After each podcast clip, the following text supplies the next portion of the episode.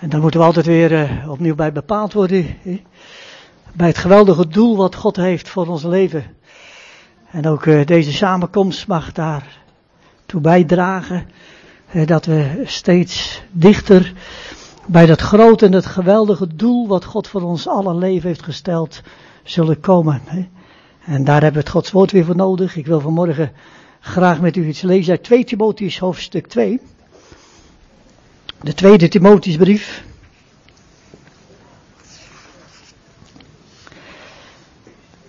En we lezen vanaf het veertiende vers. 2 Timotheus, hoofdstuk 2, vanaf het veertiende vers. Blijf dit in herinnering brengen en betuig in de tegenwoordigheid van God dat men geen woordenstrijd moet voeren die tot niets nut is. Ja, verderf brengt aan wie je naar horen. Maak er ernst mee u wel beproefd ten dienste van God te stellen. Als een arbeider die zich niet behoeft te schamen, toch recht voren trekt bij het brengen van het woord der waarheid. Maar van mij de onheilige holle klanken, want zij zullen de goddeloosheid nog verder drijven. En een woord zal voortwoekeren als de kanker. Tot hen behoren Hymenaeus en Philetus, die uit het spoor der waarheid geraakt zijn, met een bewering dat de opstanding reeds heeft plaatsgehad, waardoor zij het geloof van sommigen afbreken. En toch staat ongeschokt het hechte fundament Gods, met dit merk, de Heere kent de zijnen. En in ieder die de naam des Heeren noemt, die breken met de ongerechtigheid. Doch in een groot huis staan niet alleen voorwerpen van goud en van zilver, maar ook van hout en van aardewerk. En wel deels met eervolle en deels met minder eervolle bestemming. Indien iemand zich nu hiervan gereinigd heeft, zal hij een voorwerp zijn met eervolle bestemming, geheiligd, bruikbaar voor de eigenaar, voor iedere goede taak gereed. Schuw de begeerte der jeugd en jaag naar gerechtigheid, naar trouw, naar liefde en vrede met hem die de Heer aanroepen uit een rein hart. Maar wees afkerig van de dwaze en onverstandige strijdvragen. Gij weet immers dat zij twisten teweeg brengen. En een dienstknecht des Heren moet niet twisten, maar vriendelijk zijn. Jegens allen, bekwaam om te onderwijzen, geduldig, met zachtmoedigheid, de dwarsdrijvers bestraffende. Het kon zijn dat God hun gaf zich tot erkentenis der waarheid te keren en ontnuchterd zich te wenden tot de wil van Hem, losgekomen uit de strik des duivels die hen gevangen hield. In dit gedeelte worden we heel nadrukkelijk en ook heel ernstig gewaarschuwd voor het voeren van een verkeerde strijd. Namelijk een woordenstrijd. Zich eindeloos bezighouden met allerlei moeilijke theologische onderwerpen. Uh, ingewikkelde, uh, leerstellige dogma's. Allerlei afgeleide theorieën of bepaalde bijbelse visies die eigenlijk alleen maar discussies uitlokken. En vaak ook een heleboel oneenigheid en verdeeldheid kunnen veroorzaken. In plaats van het woord van God heel duidelijk en concreet te verkondigen, wordt er dikwijls heel veel gestreden over dat woord. Wat kunnen christenen soms heftig discussiëren en bekvechters noem ik het maar, over, over dat woord van God. Paulus zegt met holle klanken. Hè? Holle klanken, zinloos gepraat. Hè, daar moet je geen energie in steken. Hè, daar moet je je tijd niet aan geven. Hè, want eh, het bouwt eigenlijk niet op. Het bouwt in ieder geval je geestelijk leven niet op. En het bouwt ook het gemeenteleven niet op. Integendeel, het doet juist afbreuk. Afbreuk aan je geloof. Het doet afbreuk aan het werk, aan het werk van de Heer. Erger nog, zegt Paulus in vers 14, het brengt verderf bij degene die er naar horen. In de herziene staat, staat ze geloof een ander woord, maar het woordje verderf is eigenlijk de vertaling van het Griekse woord catastrofe. Nou, we weten allemaal wat een catastrofe is. Catastrofe is een vreselijke ramp. Paulus zegt het is rampzalig voor degene die daar ontvankelijk voor zijn. Het is rampzalig voor degene die daar heel gevoelig voor zijn. Het breekt, vervolgens zegt hij ook, het breekt het geloof van sommigen af. En gelukkig niet van allemaal. En misschien zijn er die vanmorgen zeggen, nou, ik, uh, mijn geloof is sterk genoeg. Maar er zijn er inderdaad, wiens geloof wordt afgebroken. En dat is eigenlijk niet zo erg, dan dat je persoonlijk geloof, je persoonlijk vertrouwen in de Jezus Christus, als je dat kwijtraakt, hè? Als je inderdaad gaat twijfelen daaraan, dat is een hele slechte zaak. Zoals een zuster me ooit eens vertelde, eh, over een bijbelstudiekring die ze hadden aan huis en er was een bijbelbespreking. Ze zegt, iedere bijbelstudie liep uit eigenlijk in een ordinaire ruzie. Het was maar even of de broeders die vlogen elkaar in de haren. En zei, joh, jij ziet het helemaal verkeerd. Hè? Uh, ja, maar zo zien. Hm? En zo ging dat. Zeg, en mijn kinderen zaten daarbij. Hm? En dan mag u raden hè, wat er inderdaad van met die kinderen terechtgekomen is wat betreft het geloof. En die moeten daar niet veel meer van weten. Hè? Dat is een heel slecht getuigenis als we zo met het woord van God inderdaad omgaan. Hm? Een slechte, een slechte zaak. En dan zeg je, ja, is het dan niet hopeloos gesteld? Ook met de gemeente van de Heer om wanhopig van te, van te worden. Want al mensen, inderdaad, alles wat wij ook aanrichten. En maar toch, en dat vind ik zo geweldig, vers 19. En daar werd ik zo bijzonder bij bepaald. Ik ben daar zo blij mee. En toch staat ongeschokt het hechte fundament Gods met dit merk. De Heere kent de zijne. Mensen, we kunnen er nog zo'n puinhoop van maken. Hè? Maar inderdaad, onder alle scherven en brokstukken en die wij aanrichten, ligt inderdaad dat eeuwige, solide fundament van de levende, van de levende God. En er kunnen er inderdaad ingrijpende dingen gebeuren in je leven. En er kunnen verschrikkelijke dingen gebeuren in de wereld, in de gemeente. En er kunnen inderdaad stormen over je leven heen gaan, ook persoonlijk. Of geestelijke aardbevingen plaatsvinden. Waardoor ons leven en ook de gemeente behoorlijk door elkaar wordt geschud. En maar onder, daaronder ligt dat eeuwige, vaste fundament van de levende God, onwankelbaar vast. Hè? Onwankelbaar vast. En dan kan je geloof, kan misschien wel eens aangevochten worden. Hè? En misschien ga je dat twijfelen. Hè? Maar nooit verder dan dat fundament. Daar komt nooit iemand onder. Zelfs de duivel komt daar niet onder. Tot op dit fundament. Dat fundament wat God gelegd heeft in de Jezus Christus. En waarvan de apostel Paulus heeft gezegd, een ander fundament dan dat er ligt, namelijk Jezus Christus, kan niemand leggen. En dan zegt hij zo mooi, ik heb als een, bouw, als een kundig bouwmeester, zegt hij, heb ik het fundament gelegd. Paulus was geen, niet zomaar een aannemertje, hè, en ook geen klusjesman, hè, maar een kundig bouwmeester. Hè. Weet je, voor het, uh, voor het leggen van de fundering zijn vakmensen nodig. Hè? Want wij weten dat het fundament eigenlijk misschien wel het allerbelangrijkste component is, onderdeel van een gebouw of van een huis. Hè? Ligt het fundament niet goed, dan gaat het met de, de, verdere bouw van een huis of een gebouw absoluut niet goed. Hè? Dat is zo belangrijk. En God heeft maar één fundament gelegd. En dat is het verlossingswerk van de Jezus Christus. Zijn verzoenend lijden, sterren van het kruis. En zijn opstanding uit de doden. En ik hoop zo van harte dat dat fundament onder uw leven ligt. Onder jouw leven ligt. En dat dat fundament inderdaad, dat mag onder de gemeente liggen. Dat heeft God gelegd in de Jezus Christus. Hè? En bovendien heeft dat fundament ook nog een, een waarmerk. God heeft zijn fundering gewaarmerkt, staat er. Daar heeft hij zijn eigen stempel, uh, zijn eigen zegel op gedrukt. En wat staat er op dat fundament? Uh, God heeft het als het ware gesignaleerd met zijn eigen merkteken. Wat staat erop? Hm? Wij kennen de Heer. Uh, Kees Terpstra kent de Heer. Nee, de Heer kent de zijnen. Hm? Zijn naam staat vooraan, niet onze naam. Zijn kennen van ons staat voorop en niet ons kennen van Hem. En dat is wel zo ontzettend belangrijk. Natuurlijk, we mogen de Heer kennen. We hebben er vanmorgen al iets over gehoord. Met elkaar heel belangrijk. Dat God zich aan ons bekend heeft gemaakt uit zijn woord. En we mogen de Heer ook kennen vanuit een relatie met Hem.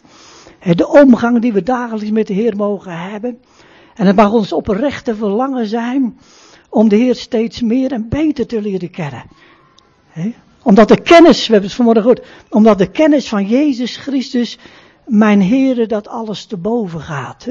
Hem te kennen en de kracht van zijn opstanding. Daar zet de apostel Paulus alles voor opzij. Om de Heer te kennen. Daar strekt hij zich naar uit.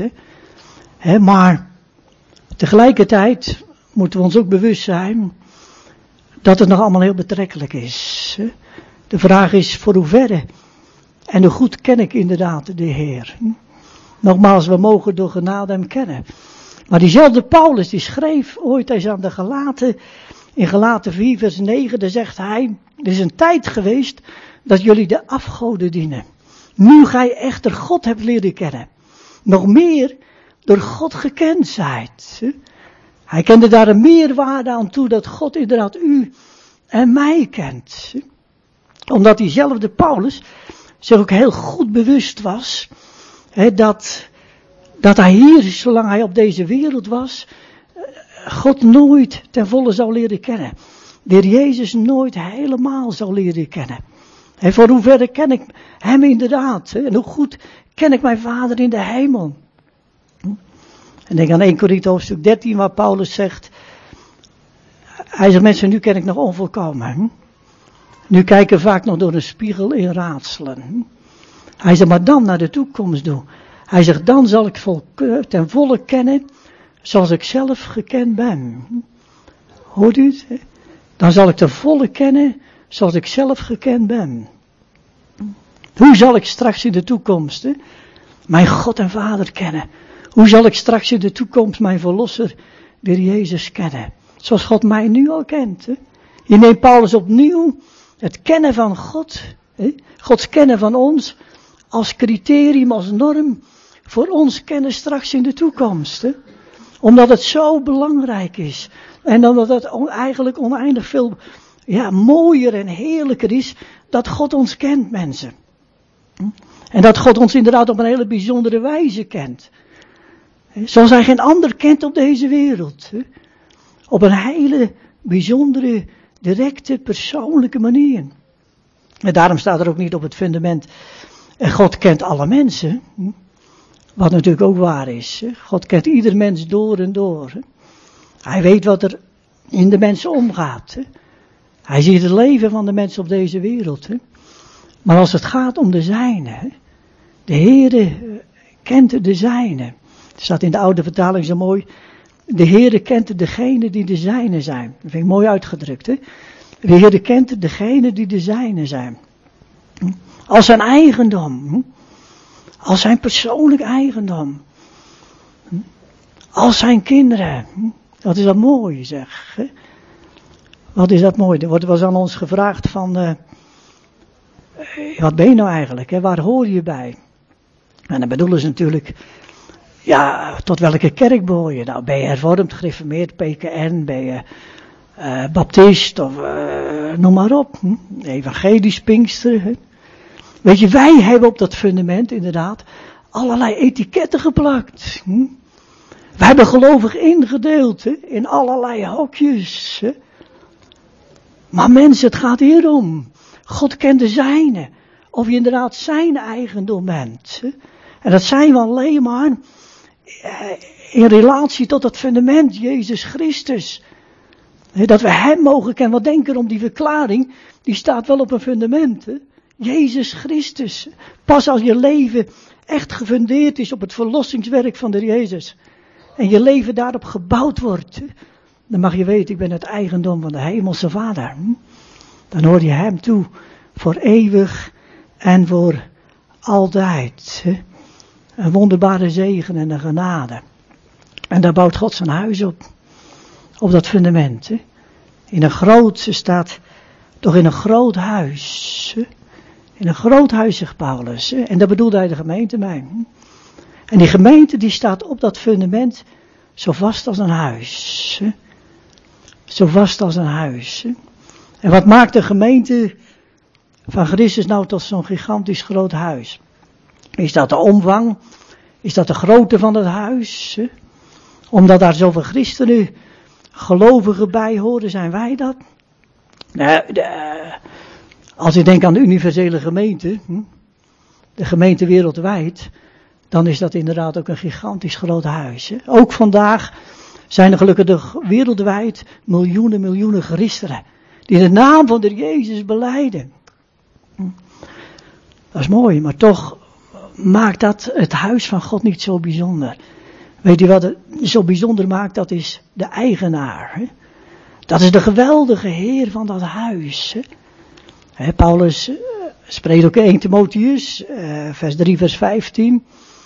Hij zegt Paulus uh, tot Timotheus, hij zegt Timotheus, je weet hoe je moet gedragen. In het huis Gods. De, de gemeente van de levende God. Die ook een pijler en fundament is van de waarheid. Nou, dat huis van God, degene die daarin woont, dat is God zelf. Dat is God zelf. Zoals eigenlijk eh, altijd is. Hoe voornamer, zeg ik altijd, hoe voornamer, hoe belangrijker de eigenaar van een huis, des te indrukwekkender is ook de status van het huis. Of ik daar nu woon, of de koning woont ergens. En dat maakt natuurlijk een groot verschil. En Paulus heeft hier waarschijnlijk inderdaad gedacht aan een heel groot, deftig herenhuis. Hij heeft hier gedacht aan een riante villa. Hij heeft hier gedacht aan een paleis waar, de waar een koning in woont. En in zo'n huis, daar, daar zijn inderdaad ook allerlei uh, dure serviezen staan daar, bekers en potten en vazen. Uh, van goud en van zilver. Hè. En van hout ook en van aardewerk. Het staat helemaal vol met allerlei mooie voorwerpen. Hè. De meeste vertalingen hebben daar staan vaten. Vaten in het huis. Mensen, en daar worden wij mee vergeleken. Elke individuele gelovige wordt hier voorgesteld als een vat. Als een vat. U ik, wij, we mogen vaten zijn in het huis van de levende God. Dat is heel mooi. En die vaten die zijn inderdaad niet allemaal hetzelfde. Daar uh, zit heel veel verschil in. Hè? Ze zijn niet allemaal van hetzelfde soort materiaal gemaakt. Er zijn vaten van goud en van zilver. Maar ook van hout en van steen staat er. En ook wat betreft de bestemming. Uh, het doel waarvoor ze gebruikt worden. Is ook verschillend staat hier. Eén tot eervol, ander tot minder eervolle bestemmen allemaal verschil. En dat heeft, geweldige, heeft natuurlijk een geweldige betekenis. En laten we eens even stilstaan bij het soort materiaal wat hier genoemd wordt. Hout en steen. Nou, hout is in de Bijbel praktisch altijd een beeld van onze bedorven menselijke natuur. Als een echt stuk hout. En dan denk ik aan het eerste huis waar God in woonde. Wie weet wat het eerste huis was waar God in woonde onder Israël. Nou, zeg het eens. Wat was het eerste huis? De tabernakel, hè? De tabernakel, ja. Nou, die hele tabernakel en ook de meeste voorwerpen in die tabernakel, die hadden maar één soort basismateriaal en dat was hout. Hè? Dat was hout, dat was acaciahout, dat was hout, dat was woestijnhout. Hè? En men zegt dat het, dat hout was van zeer slechte kwaliteit. Hè? Dat hout was zacht, maar het was ook enorm taai onbuigzaam, het heel moeilijk te bewerken. Zat ook vol met schimmels en, en knoesten. En bovendien had het die, die boom, die acaciaboom, ook geen echte mooie vorm. Het was niet zo'n prachtige rechtopstaande bomen zoals we zien. Maar die bomen die, die, die groeiden ook helemaal scheef.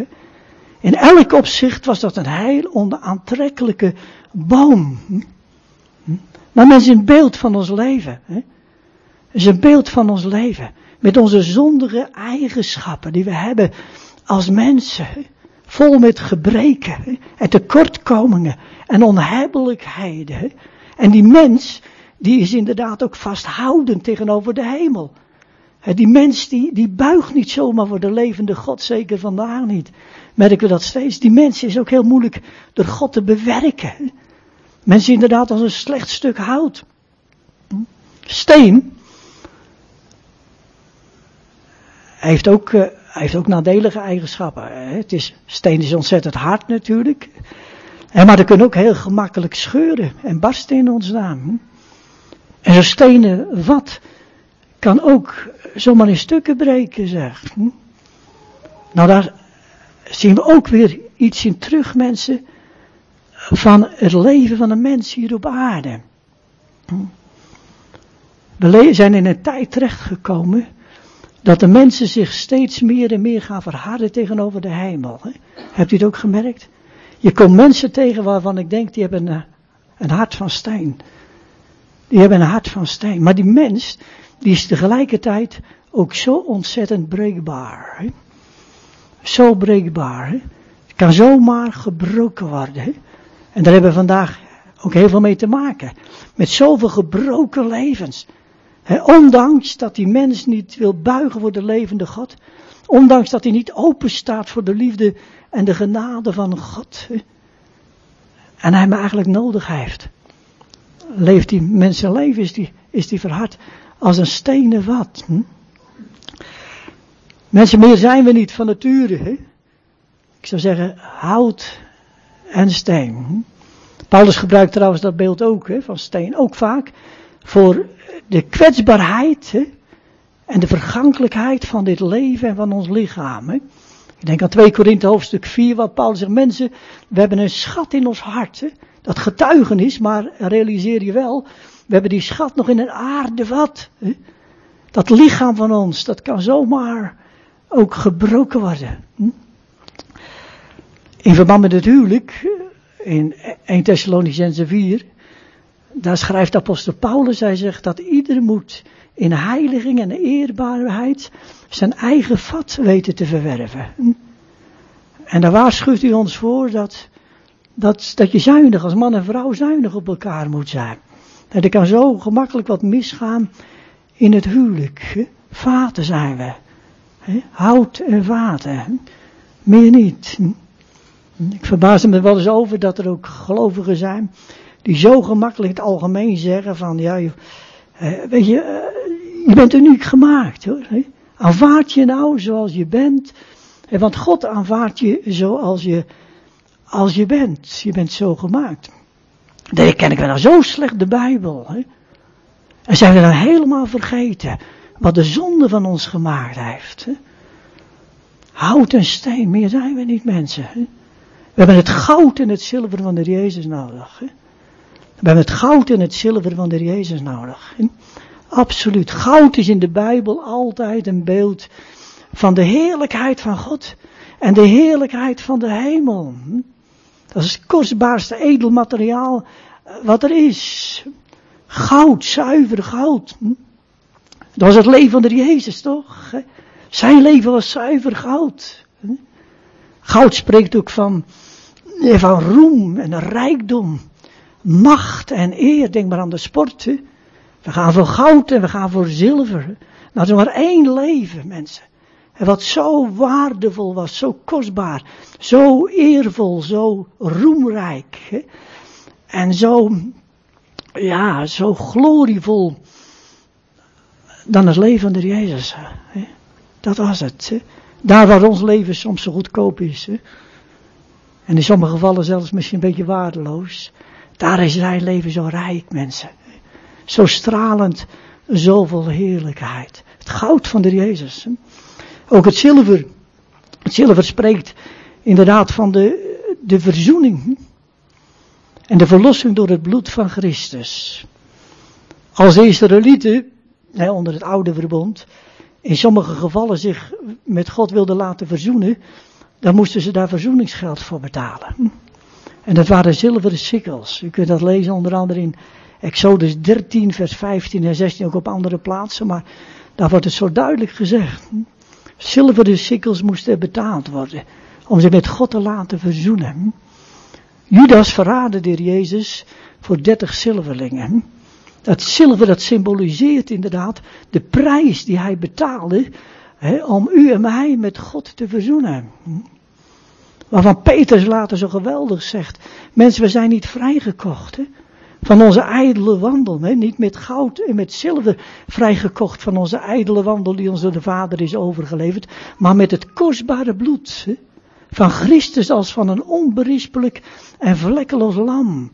Dat was de prijs die hij betaalde voor u, voor jou, voor mij aan het kruis van Golgotha. Om ons met God te verzoenen. Om ons te verlossen en te bevrijden uit dat oude, oude leven. Mensen, wat is het geweldige als je mag geloven. En wat Peter ook zegt, hij zegt dat levende geloof, wat beproefd is. Hij zegt dat is kostbaarder dan vergankelijk goud. Dat je daardoor deel hebt gekregen aan het goud en het zilver van de Jezus. God heeft als het ware ons leven overtrokken met, met het goud en het zilver van de Jezus. We zijn bekleed mensen met het zilver en het goud van de hemel. En met de heiligheid en met de gerechtigheid. En het nieuwe leven van de Jezus Christus. En vol van zijn glorie. En van zijn eer. Dat is een wonder. Waardoor wij inderdaad ook gouden en zilveren vaten geworden zijn. In het huis van de levende, van de levende God. En toch weten we allemaal dat we eh, lang niet altijd in de praktijk van die eervolle vaten zijn. Dat we altijd uh, leven tot eer van de Heer. Hè? En altijd zoveel voor God mogen betekenen in ons leven. Hè? Daar markeert nog wel eens wat aan. Denk in uw leven en in mijn leven is dat inderdaad ook zo, nou dan zeggen we, nou ja, dan maar wat minder eer toch? Dan moet God er maar wat tevreden zijn met wat minder eer. Want ja, zo heb ik het ook gelezen in de vertaling, waar vanuit ik het gelezen heb. Deels met eervolle en deels met minder eervolle bestemming. Weet u dat dit de enige vertaling, Nederlandse vertaling is, die deze gradatie heeft aangebracht? Van eervol en minder eervol. Hm? Ik heb er zo wat vertalingen erop nageslagen. Hm? Bijvoorbeeld de, de Statenvertaling, hè? sommige ter ere, maar sommige ter onere staat er. Hè? Luther, Lutherse vertaling, sommige tot eer, maar sommige tot oneer. Hm? De Leidse vertaling, sommige met een eervolle en ander met een niet eervolle bestemming. Hm? Professor Brouwer, en het ene is tot eervol en het ander tot oneervol gebruik bestemd. Petrus Canisius, sommigen met eervolle, anderen met smadelijke bestemming. Hm? Dat minder eervol, dat komt er helemaal niet in voor. Hm? Het is het een of het ander. Ik leef inderdaad tot, tot eer van mijn God en Vader. Of misschien wel een beetje tot schande van de Heer. Tot oneer, dat kan inderdaad. Hm? En uh, ja, Zeg, hoe, kom, hoe word je nou zo'n eervol vat? Nou, er staat hier ook, er wordt ook duidelijk het antwoord gegeven. Ieder, en iemand, indien iemand zich nu hiervan gereinigd heeft, zal hij een voorwerp zijn met eervolle bestemming, ziet u? Indien iemand hier zich van gereinigd, en dan denken wij, ja, natuurlijk heel gemakkelijk, dat het gaat hier meer om het reinigen van een vat in die zin, dat het vat uh, zou moeten veranderen van materiaal. Hè? Maar dat heeft God al gedaan. Dat heeft God gedaan. Het gaat hier meer om het, uh, om het reinigen van de vaten gewoon in het algemeen. In het algemeen. Mensen vaten, die moeten schoon zijn. Ja toch? Die moeten schoon en rein zijn. Een vat kan nog zo duur zijn, maar als een vat van binnen en van buiten vies en vuil is, dan drinken we daar niet graag uit. En zeker een koning niet, als u begrijpt wat ik bedoel. Hm? En zeker een koning niet. Het gaat hier om de algemene reiniging van de water. Hm? Het is zo ongelooflijk belangrijk dat wij inderdaad ook die dagelijkse reiniging door het waterbad van het woord, dat we dat kennen in ons leven, mensen. Hè? Want we lopen inderdaad, we zijn nog in deze wereld. Hè? Worden beïnvloed door deze wereld, worden besmet door deze wereld. Dan ontkom je soms niet aan. En daarvoor hebben we dat nodig. Om een eervol vat voor God te zijn.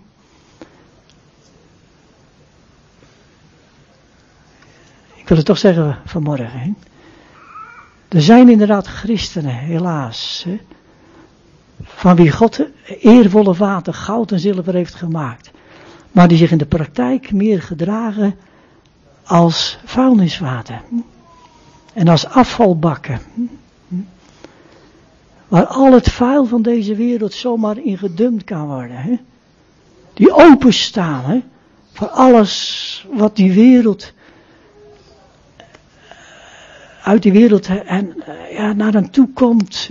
Ze zoeken het soms ook. Ze zoeken het soms ook op. Hm? Weet je, er staat inderdaad ook nog wat anders op dat, dat fundament. Hè? Er is nog een andere uh, inscriptie, een andere opschrift. God kent de zijne. En maar ieder die de naam des Heer aanroept, die breken met de ongerechtigheid. Die breken met de ongerechtigheid. Mensen, dat is de keerzijde. Van Gods kant uit gezien. Hij kent u in de Jezus volmaakt, geheiligd, Prijs God, hij weet wie de zijnen zijn. Hè? Maar dat andere is vanuit onze ervaring. Hoe beleef ik dat nou? In de praktijk. Ik neem zo gemakkelijk de naam van de Heer op mijn lippen, u ook. Vanmorgen hebben we dat ook weer gedaan. Hè? We spreken zo gemakkelijk dat we Hem toebehoren, we kennen Hem. En dat is, gelukkig door genade mag dat ook zo zijn, broeders en zusters. Hè? Maar die breken met de ongerechtigheid. Hè? Wanneer moet je nou met iets breken dan? Als je eraan vast zit. Als je eraan vastzit. Wat vastzit moet gebroken worden. Weet je, de apostel Paulus, die heeft ooit eens een hele gewaagde uitspraak gedaan. Dat deed hij zelfs twee keer in 1 Korinthe 6 en 1 Korinthe hoofdstuk 10. Waar de apostel Paulus zegt, alles is mij geoorloofd, zegt hij. Alles is mij geoorloofd, maar hij zegt niet alles bouwt op. Alles is mij geoorloofd, maar ik zal mij door niets laten knechten. Sommigen hebben daar misbruik van gemaakt. Zij zeggen, Paulus zegt, ik mag alles doen. Nou, dat was ik zo. In principe, zegt Paulus, mag ik alles doen. Hm? Dat is altijd een vraag voor ons geloven als je jong bent. Van wat mag een christen nou wel doen, wat mag ik nou niet doen, wat mag ik wel doen. Hè? Nou, die vragen die stelde Paulus niet. Hm? Bij alles wat Paulus deed, vroeg hij zich af, bouwt het maar nou op of breekt het mijn leven af? Hm? En word ik er geen slaaf van? Ik zal mij door niets laten knechten. Kom ik er aan vast te zitten, zodat ik er helemaal niet meer buiten kan. Als u, als jij op een verkeerde manier vastzit aan je geld, dan moet je daar radicaal mee breken. Als je op een verkeerde manier vastzit aan je werk, dan moet je daar radicaal mee breken. Eh, werk ik om te leven, of leef ik alleen maar voor mijn werk? Zit ik op een verkeerde manier vast misschien aan mijn smartphone? Zit ik op een verkeerde manier vast aan mijn huis? Zit ik op een verkeerde manier vast aan het onreine? In de kracht van de Heer mee breken. Dat is fundamenteel voor u en mijn leven. Dat is fundamenteel voor u en mijn leven. Opdat we eervolle vader voor hem mogen zijn. En dan ben je bruikbaar. Zo prachtig, dan ben je bruikbaar, geheiligd, bruikbaar. De Statenvertaling heeft daar nog een woordje tussen staan. Geheiligd, bruikbaar, bekwaam staat er nog. En gereed. Hè? Dat is mooi. Hè? Geheiligd, bruikbaar, bekwaam en gereed. Hè? Dat zijn de vier belangrijkste kwalificaties voor een leven in het huis van God in de gemeente. Om Hem te mogen dienen. Hè? Dan ben je bruikbaar voor de Heer. Ik wil niet zeggen dat je door mensen moet laten gebruiken. En zeker niet moeten laten misbruiken. Ook niet door voorgangers of leiders van gemeentes. Maar dan mag je bruikbaar zijn voor de Heer. En dan ga je niet naar de Heer toe met een houding van. Ik zal dit en ik zal dat wel allemaal voor u doen. En maar dan is het elke dag, Heer, hier ben ik. Heer, hier ben ik. Wilt u dat in mijn leven gaan doen? En heeft de Heer een taak voor u en voor jou. Het wil ook niet zeggen dat je meteen alle taken in de gemeente op je moet nemen. Maar die taak, die opdracht die God voor je heeft. En dan kun ook. Die en heeft de Heer je bekwaamd. Hij maakt je geschikt, hij maakt je gereed om dat uit te voeren wat de Heer zo graag wil dat je zult doen. Sta daarvoor open. En de Heer zal het doen. En dan is dat een, tot een grote en een geweldige zegen. En dan hoef je niet allemaal hetzelfde te doen. Je hebt inderdaad uh, gelovigen, zeg ik altijd, die zijn er zo goed in om anderen te bemoedigen. Dat kunnen ze zo, dat is, ja, die hebben oog en hart voor wat er allemaal speelt bij die anderen. Anderen die hebben misschien de gave van gebed, je hebt die echte bidders, die altijd wel weer bidden, volharden in dat gebed. Dat zijn de echte bidders. En de ander zegt, nou laat mij nou maar evangeliseren of iets. Hè? Of, of misschien met muziek, of, of, of, iets met de kinderen te doen. Hm? Je kunt al iedereen zo zijn taak, zijn gave. Je praktisch bezig te zijn. Allemaal mooie dingen in het huis van God. Hè? Zo mag je samen gemeente zijn. Samen de Heer dienen. Broeder Johannes de Heer die merkte ooit eens op. Hij zegt, de gemeente is niet alleen maar een gehoorzaal. Waar we allemaal interessante dingen kunnen horen. Maar de gemeente is ook een werkplaats van de Heilige Geest. Hè? Waar de Heer wil werken. Hè? In ieders leven. Totdat Hij komt. En met de glorie van de Heer zullen binnen mogen gaan. Hm? En dat, dat, dat dit onze bede zal zijn. Zie Heer, hier ben ik. Maak mij een vat voor u. Woon in mijn hart. Vernieuwen doe het nu. Verbreek mijn wil. Maak me ook van hoogmoed vrij. Ik wil in u blijven, Heer. Blijft gij in mij. Heer, ga uw gang. Breek mij maar en neem. Gij zijt mijn maker. Ik ben slechts het leem. Maak mij een vat geheel naar uw wil. Houd toch na mij rustig en stil. De Heer zegene u allen. Amen. Laten we samen danken. Vader in de hemel, willen u danken dat u ook deze morgen hier op deze plaats u zelf opnieuw aan ons wilde openbaren. Heer, we hebben u vanmorgen alle lof en dank en eer mogen brengen, ook in de liederen die we gezongen hebben. Heer, het zijn ook inderdaad geloofsliederen. Vader, waarin we ook tot uitdrukking hebben gebracht. Heer, wat er Jezus voor ons betekent. Wat Hij voor ons gedaan heeft. In zo'n eindige liefde en genade. Bereid was, Heer, om te sterven. Die plaats aan dat hout in te nemen op het kruis. Heer, daar willen we ook zo weer bij stilstaan, Heer, naar Pasen toe. Heer, maar ook bovenal gedenken, Heer Jezus, hoe U de dood hebt overwonnen. En u zit aan de rechterhand van de Vader, gekroond met macht en majesteit, vol van heerlijkheid, hemelse heerlijkheid. We danken u dat we dat deel aan gekregen hebben. Vader, dat u ons zo volmaakt aanziet in de Jezus, uw Zoon. Heer, maar dat heeft consequenties ook voor ons leven op aarde. Heer, we zijn er vanmorgen ook alweer op gewezen. Dat brengt soms een stukje lijden met zich mee. Heer, de weg van uw kinderen is niet altijd gemakkelijk. Heer, maar u bent er. En u Heere, zegent ons. En u wilt ons zo graag dicht aan uw hart houden. Maar ook dicht bij elkaar als gemeente. En dat we meer mogen groeien naar u toe. Naar het beeld van uw zaam. U komt alle dank, alle eer en alle glorie toe nu. En tot in alle, alle eeuwigheid. Amen.